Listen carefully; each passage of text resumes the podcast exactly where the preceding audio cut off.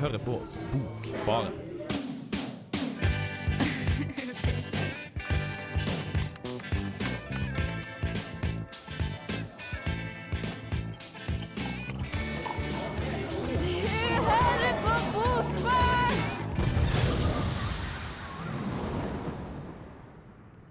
Det stemmer at du hører på Bokbaren. Velkommen, kjære lytter. Jeg heter Vidar Sundset Brenna, og vi er tre stykker her som skal prøve å kjøre en bokfylt og barnefylt og poesislam-fylt sending for deg. Eh, Jeg har med meg Ingrid Kveim Skarholt. Ja, hei, hei. Først av alt, hva har du tatt med deg? En bok? Jeg har tatt med meg en eh, diktsamling av Rune Hvem er det egentlig? Tuverud, som du skrev i Bokbaren sin status på Facebook, for det er en uh, Må ikke du oute hvem som skriver de statusene? da? Nei da, nei da, nei da. Men, uh, men uh, ja, vi skal i hvert fall finne ut litt hvem det er, og litt hva slags uh, dikt han skriver. Kjempespennende. Aldri hørt om han. Og så har jeg med meg Kristoffer Ervik. Hallo. Hei, hva har du tatt med deg? Jeg tatt med meg populærmusikk fra Victoria av Mikael Niemi. Ja vel, en gammel eh, klassiker der altså. Men uh, Mikael Niemi er vel ganske populær uh, og aktuell denne høsten her også, så vi skal ta med han videre denne sendingen. Først eh, setter vi i gang en låt av Osk, eh, og rett etter at den er ferdig, så skal du få høre årets vinner av den midtnorske finalen i Poesislam. Kos dere. Radio Revolt. For jeg er seriøs kvinne med seriøse minne. Jeg pøbler seriøst, styrter øl seriøst. Jeg veit om skogene som er våre, skogene som skal bli. Og når det er seint på jorda og koboltmånen glir forbi, er jeg heime i det som ikke er, i forsvinninga og endelig fred. Å vite hvor språket stopper, og hvor verden begynner kaste seg utfor stupet i rein trass, stri og galen, fri som faren, og la seg falle i fallet, falle vekk fra alle, og seriøst bare kreve å få lov til å sveve. For jeg er en seriøs kvinne, og det seriøse vil ikke forsvinne. Så du vil fucke med en sånn, bare bring it on. For det seriøse er det monstriøse som ikke gidder sløse vekk det svake. Jeg vil alltid få overtaket. For jeg er seriøs kvinne, og det seriøse er alltid vinner. Det var eh, Kajsa Aglen der som eh, insisterte på at hun var en eh, veldig seriøs kvinne på forrige ukes poesislam. poesislam. Jeg klarer ikke å si det engang. Bra jeg ikke var deltaker på Samfunnet.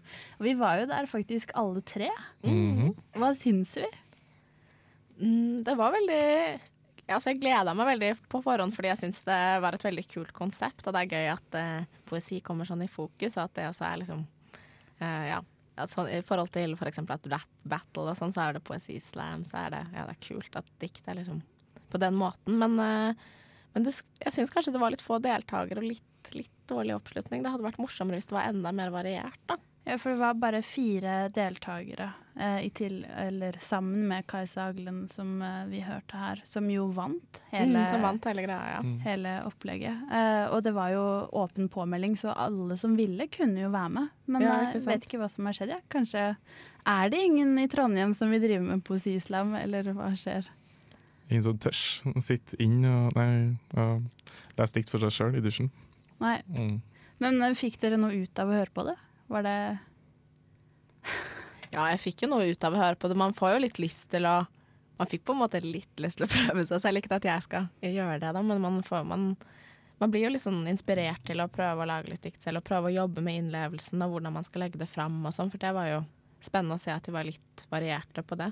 Ja. Eh, men jeg skulle også ønske at de kanskje hadde lagt enda mer vekt på det, så man virkelig ja, fikk se en ordentlig spennende alternativ vri på en opplesning, da. Men det som var bra, var at vi fikk lov til å være med og være dommere. Ja, og sitte i juryen og rekke opp lapper med poengsummer til hver enkelt deltaker. Så mm. publikum ble jo veldig myndiggjort eh, på denne forestillingen. Så eh, vi følte oss jo veldig med. Det var gøy. Det Ja, likte det var jeg veldig gøy, godt. faktisk. Ja. å få lov til å kritisere litt live. Ja, det var jo virkelig rett. eh, De fikk jo se poengene sine rett, poengene rett i fleisen. Så det, men hvis det var litt for lav poengsum, så var det jo litt buing og sånn, så da var det noen som så Man kunne kanskje ikke være for, for kritisk, jeg vet ikke. Nei. Men det var en OK opplevelse. Tenkte vi dette kunne vi ha gjort selv? Ja, det var lite mannfolk der, så jeg kunne ha bare eksplodert hele salen. Ja. Det var jo bare Ingrid og Kristoffer tenkte dette kunne gjort selv. Neste år skal de være med på Poesislam. Maren Skolem, som dessverre ikke er her i dag, kommer dere antageligvis til å få se ganske, ganske snart som deltaker i Poesislam i en nordnorsk by. Jeg tror vi avslutter eh, poesislammingen der og går over til eh, Arctic Monkeys, eh, som har låta 'Arabella'. Du hører på Radio Revolt, studentradioen i Trondheim. De var fremmede. En egen sort mennesker, og faren min var en av dem. Og han sa det var et helvete. Han sa det om og om igjen. Det var da jeg likte han. Da han sa at det var et helvete jeg måtte unngå.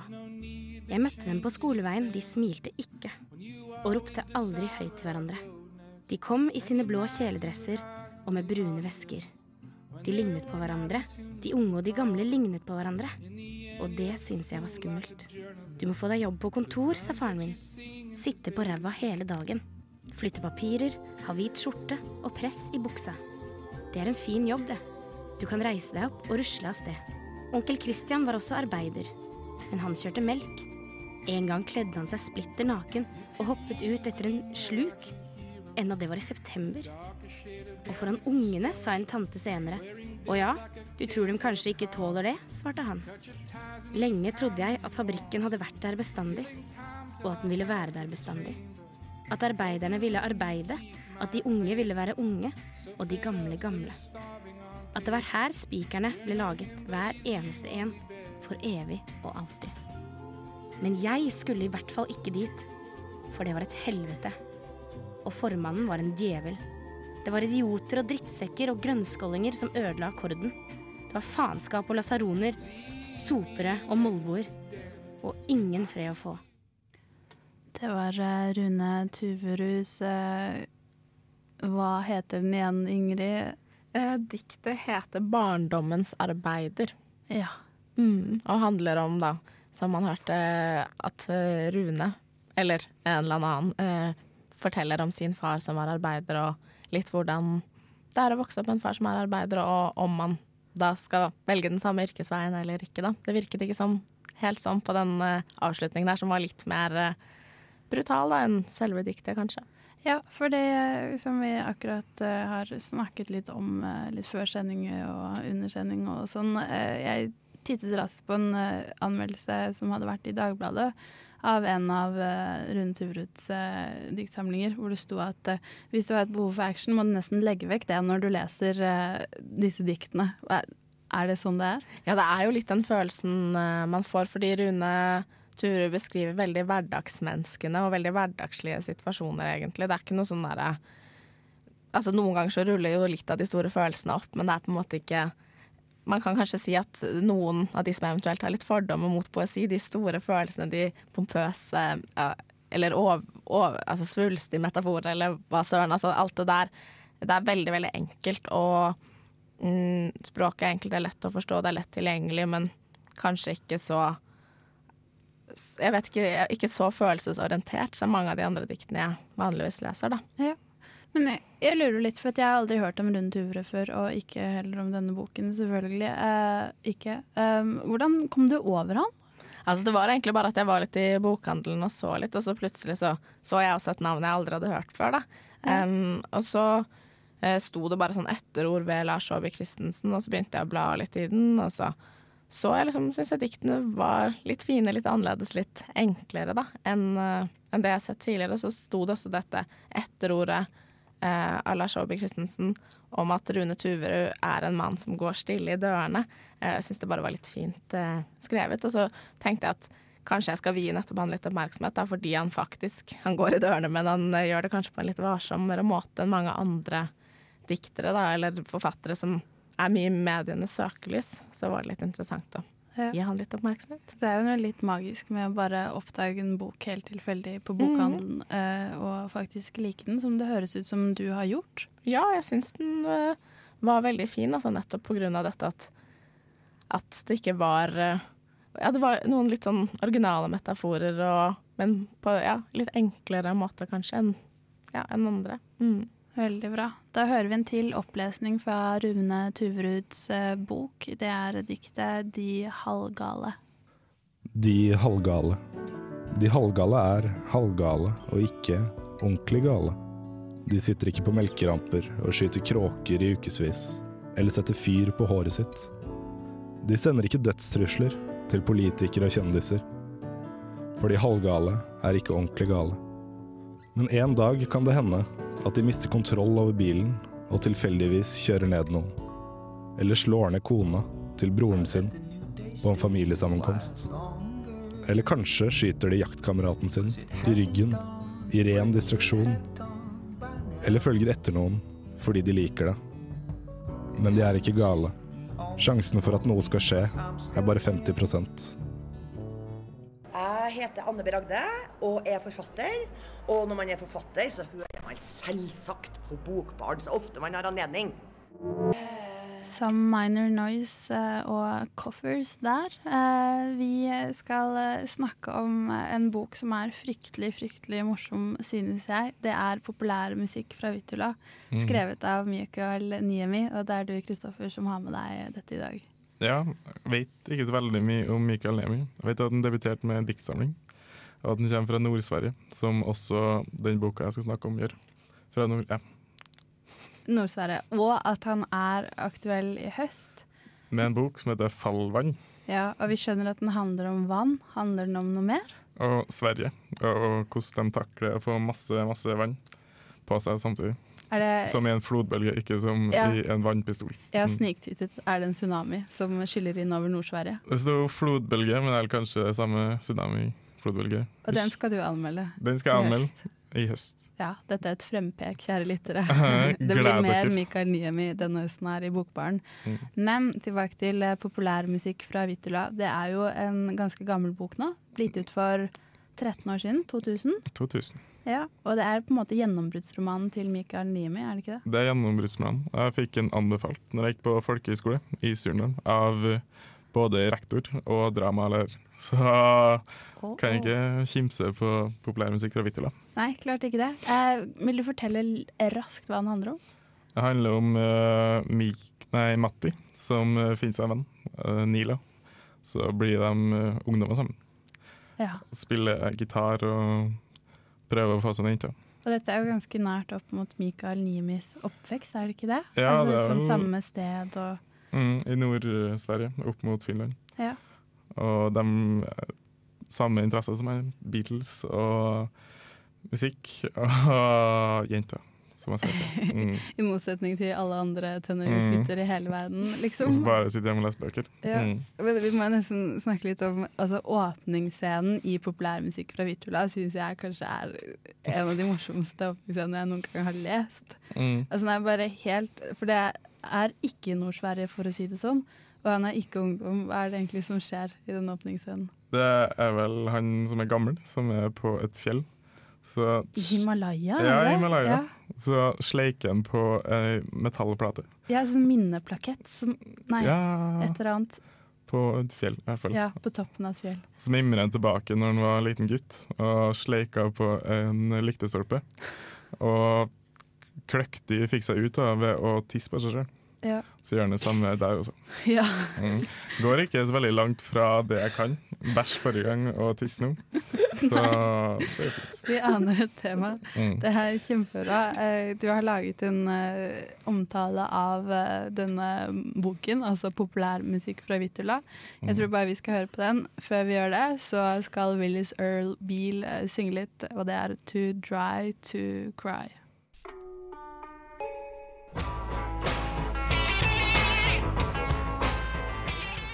Matti vokste opp i Vittula i Nord-Sverige, på grensen til Finland. Et fattig, gratt lite nabolag blir verdenen hans. Det ser ut som han blir slukt inn i det, helt til Nila legger seg inntil han. Hva heter du, spurte jeg. Han svarte ikke. rørte seg ikke. Mika sinun nimi om, gjentok jeg på finsk. Nå åpnet han munnen. Det ble ikke noe smil, men tennene vistes. De var gule, dekket av en gammel mathinne. Han stakk lillefingeren opp i neseboret, de andre fingrene var for tykke til å få plass. Jeg gjorde likedan. Vi gravde ut hver vår busefant. Han puttet sin i munnen og svelget. Jeg nølte. Da strøk han kvikt av min og svelget den også. Jeg skjønte at han ville bli venn med meg. De blir venner. Sykler rundt sammen, vokser hår sammen, skrangler på gitar sammen, møter jenter sammen. Blir redd for jenter sammen. Det er ikke bare fryd og gammen. Mikael Nemi maler ut om juling, mobbing, pedofili, trasige arveoppgjør, badestuekultur og et alkoholforbruk uten like. Ofte når forfattere skal skrive om barndommen sin, som denne boka her bærer preg av, kan man falle i den fellen at språket blir blast, tynt og abstrakt. Niemi derimot hopper elegant over det. Tar med seg så sterke og klare bilder at du kommer til å ligge der med en anelse om juling. Det ene lille taket på realiteten forteller at du er en 14 år gammel gutt i Vitterda som blåser vekk panneluggen når du prøver å finne fram i virkeligheten. Så begynte vi å spille. Det føltes pirrende og fantastisk, og det låt for jævlig. Men fra dette øyeblikket av ble spillinga virkeligere på en måte. Fra en hjemmesnekret treplanke i garasjen via en skral akustisk i kjelleren, sto vi nå her med skikkelig utstyr. Glinsende lakk, forkrommede knotter og brytere. Svakt susende høyttalermembran. Det var stort. Det var bort. Niemi rører der sammen til en smakfull gryte. Topper med deilig ironi og en svak surrealisme. Som forståelig har fått Sverige og verdens befolkning til å kaste penger og August og Nordisk rådspris etter. Niemi er verken Prost, Dostojevskij eller trang lyrikk fra Sør-Balkan. Men det er en spenstig og varm fortelling. Så ta deg tid til Vittula og besøk Matti og Nila, alle hennes venner.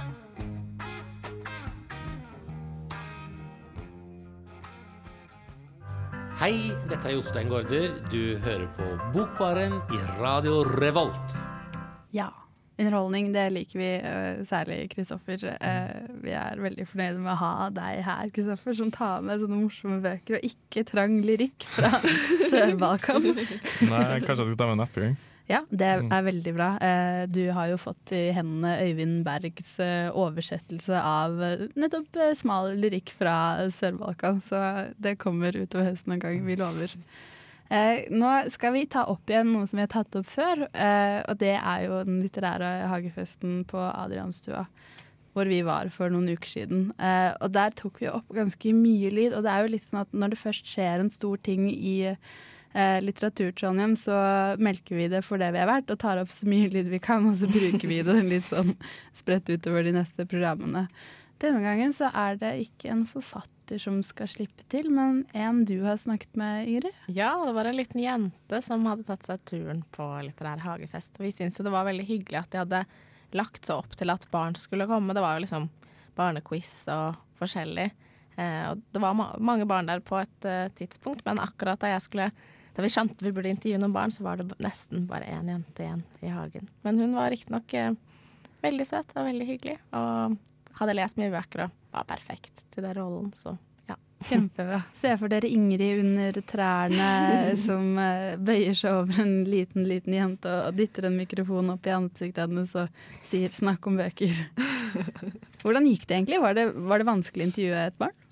Ja, jeg følte litt Når jeg hørte på det nå, da, så hørte jeg liksom at jeg var veldig bekreftende og veldig positiv til alt hun sa, og lo av alt hun sa, og støtta veldig opp om det. Så det føltes egentlig litt ut som jeg var barnet i, i intervjusituasjonen. Men, eh, men jo, det var egentlig Jeg brukte liksom de kunnskapene jeg har fra barnehagen og, og ja, forskjellige sommerjobber og sånn, så følte jeg at jeg møtte henne på et eller annet plan. Det gjorde du helt sikkert. Vi skal høre på dette nå.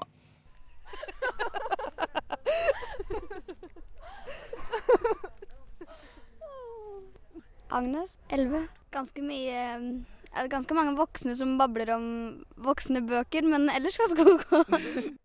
Nei, det var mamma som drassa meg. Det er første gangen. Jeg har akkurat lest en bok som jeg ikke husker hva heter, men de barnebøkene som er der, har jeg lest ganske mange av før. Hestebøker? Jeg vet ikke helt, men jeg liker veldig godt den Stallgjengen-serien. Jeg har en på film, så jeg tror det. Jeg er ganske glad i å lese. I første klasse leste jeg er de tjukkeste bøkene av alle, og folk eh, sa at de kunne bruke bøkene jeg hadde som hodepute fordi de var så tjukke. Det alle Narnia-bøkene i én.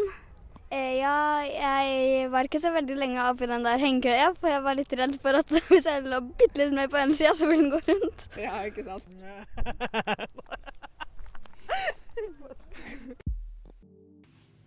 Ja, det var eh, Banks eh, og Warm Water var låta. Eh, vi er ferdig med det lille barnet som snakket så fint under trærne under solskinnet ved siden av Adrianstua for noen uker siden. Det var jo ganske Ja, hun hadde jo lest bøker. Hun var ikke der helt frivillig, men det virket altså, som at hun syntes det var i hvert fall veldig hyggelig å bli intervjuet, og også helt greit å være på hagefest. Ja, jeg tror absolutt det. Altså, hun koste seg veldig, og eh, måten jeg oppdaga henne på, var at hun hadde liksom kastet seg ned i en sånn handlekurv som var full av bøker, og gravde for å finne en skatt. Da. Så da tenkte jeg at Det er ikke sant. jo. jo. Det er jo helt fantastisk. Å, veldig fint. Eh, vi skal over til eh, en, en litt sånn arkivskatt, egentlig.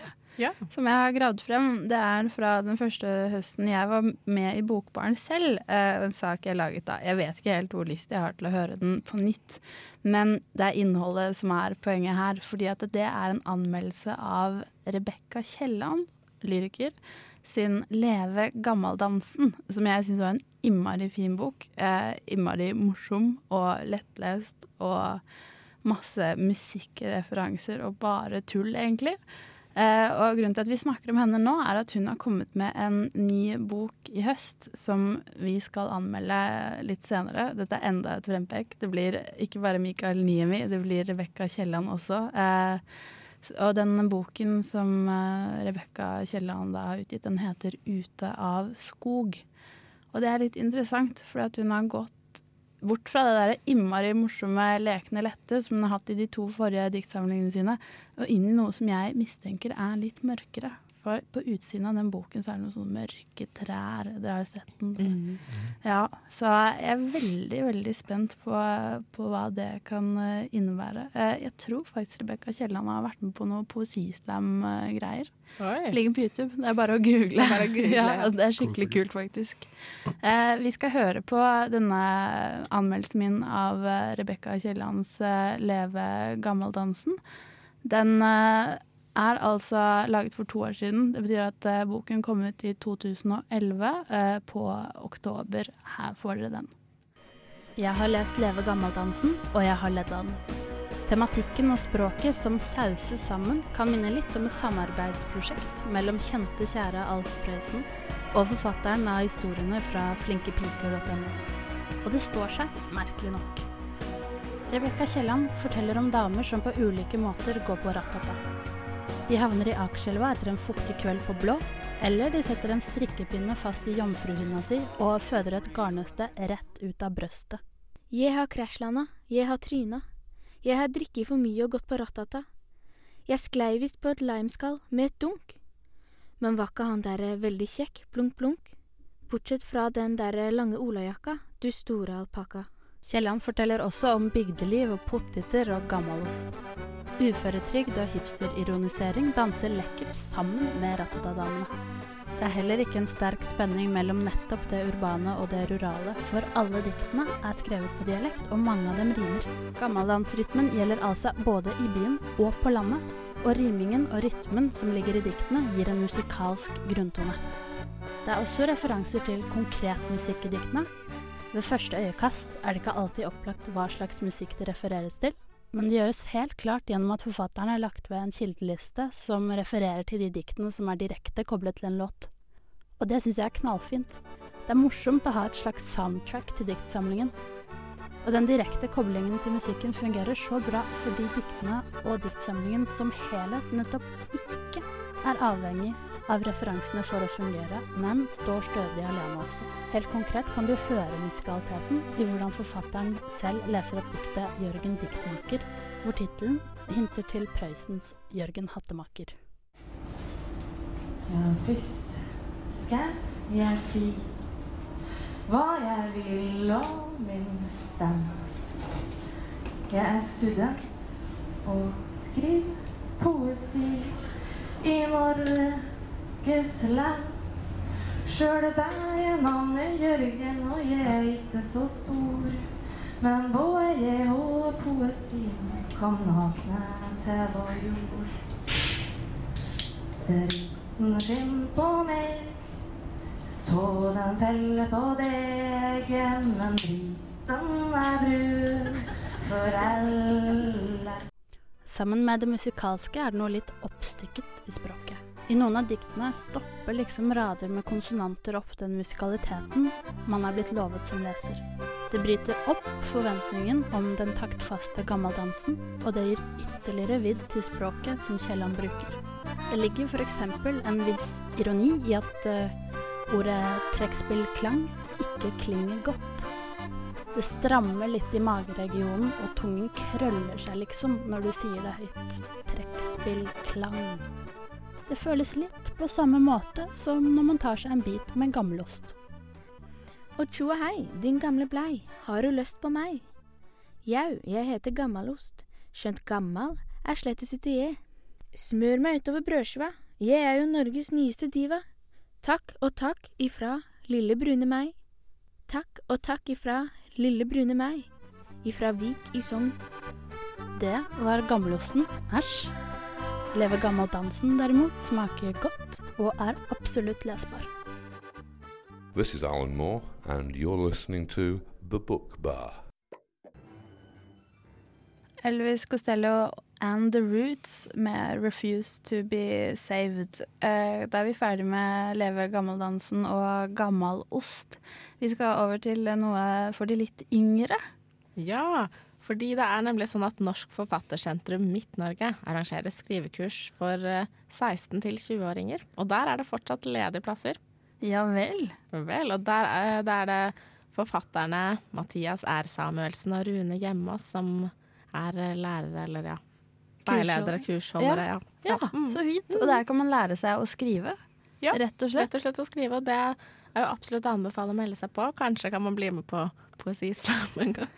Ja, det må jo være målet. Må det det må være det? det store målet, ja. Ja. Men vi hører jo rykter om at disse skrivekursene kanskje kan føre frem til en utgivelse en dag. Ja, at mennesker som har deltatt, faktisk har blitt gitt ut. Det er jo i så fall helt fantastisk. Mm. Hvis det er noen aspirerende forfattere som sitter der ute og lytter på oss, så må de gå inn og sjekke eh, Facebook-profilen, tror jeg. Facebook-profilen til til Norsk- Norsk Forfattersentrum Midt-Norge. Mm. For der vet vi at det ligger noe informasjon om dette kurset ute. Og påmeldingsfristen den var egentlig ferdig. Mm. Men det er fortsatt noen få ledige plasser igjen på dette kurset, så eh, løp og kjøp. Jeg tror det Mm. er et Logg inn på. Facebook, rett og slett. Virkelig. Det, det gjør vi vel uansett eh, så mye vi bare kan. Ja, det er kanskje ikke det største problemet. Nei. Vi må begynne å se litt fremover på hva vi skal gjøre i høst, egentlig. Eh, jeg merker nå at eh, vi mister litt oversikten etter at vi har snakket i en time om bøker. Eh, har dere noe som dere vil trekke fram av det dere skal lese i høst? Skal i hvert fall lese Fallvann, som jeg sa i sted. Og kanskje Pariser-komplekset. Sy Syndromet, mener jeg. Sorry. Pariser-syndromet. Som handler om en jente med komplekser, eller? Nei, skrevet av Heidi Furre på nynorsk. Ja. Handler om uh, pariserkomplekset Nei, syndromet. eh, når japanere drar til Paris. Og så er det ikke sånn som det er, som det har skjedd på filmer. Så har de en eh, call-line, eller hotline, på ambassaden i Paris. Japanske ambassaden. Som du kan fortelle dine problemer. Nei, det er ikke sant. Er, det- er dette en sann historie? Ja, jeg har hørt om den før. Den, eller det er parisersyndromet. Ja. Men jeg vet ikke om det er en sann historie. Nei. Jeg tror det er en fotograf. Kanskje vært i Paris og tatt noen bilder. Helt teit. Interessant. Det er sikkert litt sånn eh, de ferske Trondheim-studentene føler nå som fadderuken har begynt å dabbe litt av. Så Var det ikke ser helt det Trondheim for det. Nei da, jeg bare tuller. Hva, hva sier trønderen her til høyre for meg? Ikke mobilen Nei. ja ja. Ingrid, hva skal du ha med deg i de neste sendingene? Jeg skal i hvert fall ha med, apropos eh, Japan, eh, japansk lyrikk. Eh, I dette sekundet husker jeg ikke hva forfatteren heter, men det heter, boka heter, eller diktsamlingen heter i hvert fall 'En valnøtts bekjennelser'. Ja, spennende. Så spennende å se hva det er for noe. Det er en gjengivelse da, av en, en oversettelse, da. Så vi får se hva det er for noe. Ja, Kjempefint. M mye japansk eh, tematikk her. Ja, kanskje det blir, Jeg, jeg skal også til Sverige, tenkte jeg, sånn som Kristoffer. Eh, for jeg skal anmelde Christian Lundbergs eh, En hjemby, som er den siste i eh, trilogien hans. som, som Den skal liksom avsluttes nå. Og vi har jo anmeldt begge de to foregående bøkene. Mm. Den første og du den andre, Ingrid. Ja, det før-. Her i Bokbaren, og det gleder jeg meg veldig mye til. Jeg har høye forhåpninger. Jeg er litt redd. Jeg har lest den første siden. Den ble avsluttet med et eh, Marx-sitat som var litt hårete, så jeg er ganske nervøs for eh, resten av boken, men eh, jeg tror det blir bra. Jeg, Ja, tror jeg håper det virkelig bra. det. Altså det, det syns jeg de to andre bøkene fortjener en verdig avslutning. Ja. Mm. Hallo. Hallo. Eh, og så skal jeg ha med meg Rebekka Kielland, selvfølgelig. Eh, vi har snakket om ganske mye forskjellig i dag. Vi nærmer oss slutten på denne Bokbarn-sendingen. Vi har hatt med en liten jente som fortalte om bøker. Det har vi hatt med fra litterær hagefest i Adrianstua. Ja, og så hadde du Ingrid med deg en uh, diktsamling av en for oss uh, til nå ukjent forfatter. Hva het han igjen? Rune Tuverud. Så det er absolutt å anbefale både å lese han, men også det å gå litt i en bokhandel og lete litt etter navn man ikke har hørt før. Det er kanskje Det er synd, men det er, men det er bra at noen i hvert fall oppdager det. Ikke sant? Og hva het diktsamlingen? Diktsamlingen heter 'Dette blinde juvet av lys', og er dikt i utvalg fra forskjellige diktsamlinger. Da. Så man får litt sånn oversikt over noe av de åtte diktsamlingene han har gitt ut, faktisk. Ja, en slags anbefaling der. Og i alle fall gå ut og let i bokhandlene. Mm, det er det Kanskje beste. finner man noe. Eh, og Kristoffer. Jeg har hatt uh, populær musikk fra Vittula. Ja. Klassikeren til Mikael Niemi. Jeg tror, jeg vet ikke om jeg spurte deg helt tydelig i stad, men du liker denne boken, gjør du ikke det? Jo, syns den er veldig fin. Jeg liker språket spesielt. Ja. Det er, veldig, det er ikke sånn overdådig og blåsete, men det er litt kontakt og kraftig. Så jeg likte det veldig godt. Veldig bra. Jeg liker også den boken veldig, veldig godt. Eh, jeg tror vi skal eh, begynne å spille litt uh, låt her helt til slutten. Uh, vi skal uh, også si tusen takk til teknikeren vår, som vi pleier å glemme å takke, dessverre. Håge, du er veldig flink, og dette har gått veldig bra i dag. Dritkult at du er med oss. Jeg heter Vida Sundset Brenna. Sammen med meg i dag har Kristoffer vært. Ja. Ingrid. Vi er Bokbarn. Hør på oss eh, på podkast på eh, dusken.no slash radio eller Bokbarn eller hva det nå er, og sjekk oss ut på Facebook. Vi skal snakkes eh, neste uke, det gleder vi oss masse til. Nå må vi snart få høre Rytmeklubben med Mentok and Me.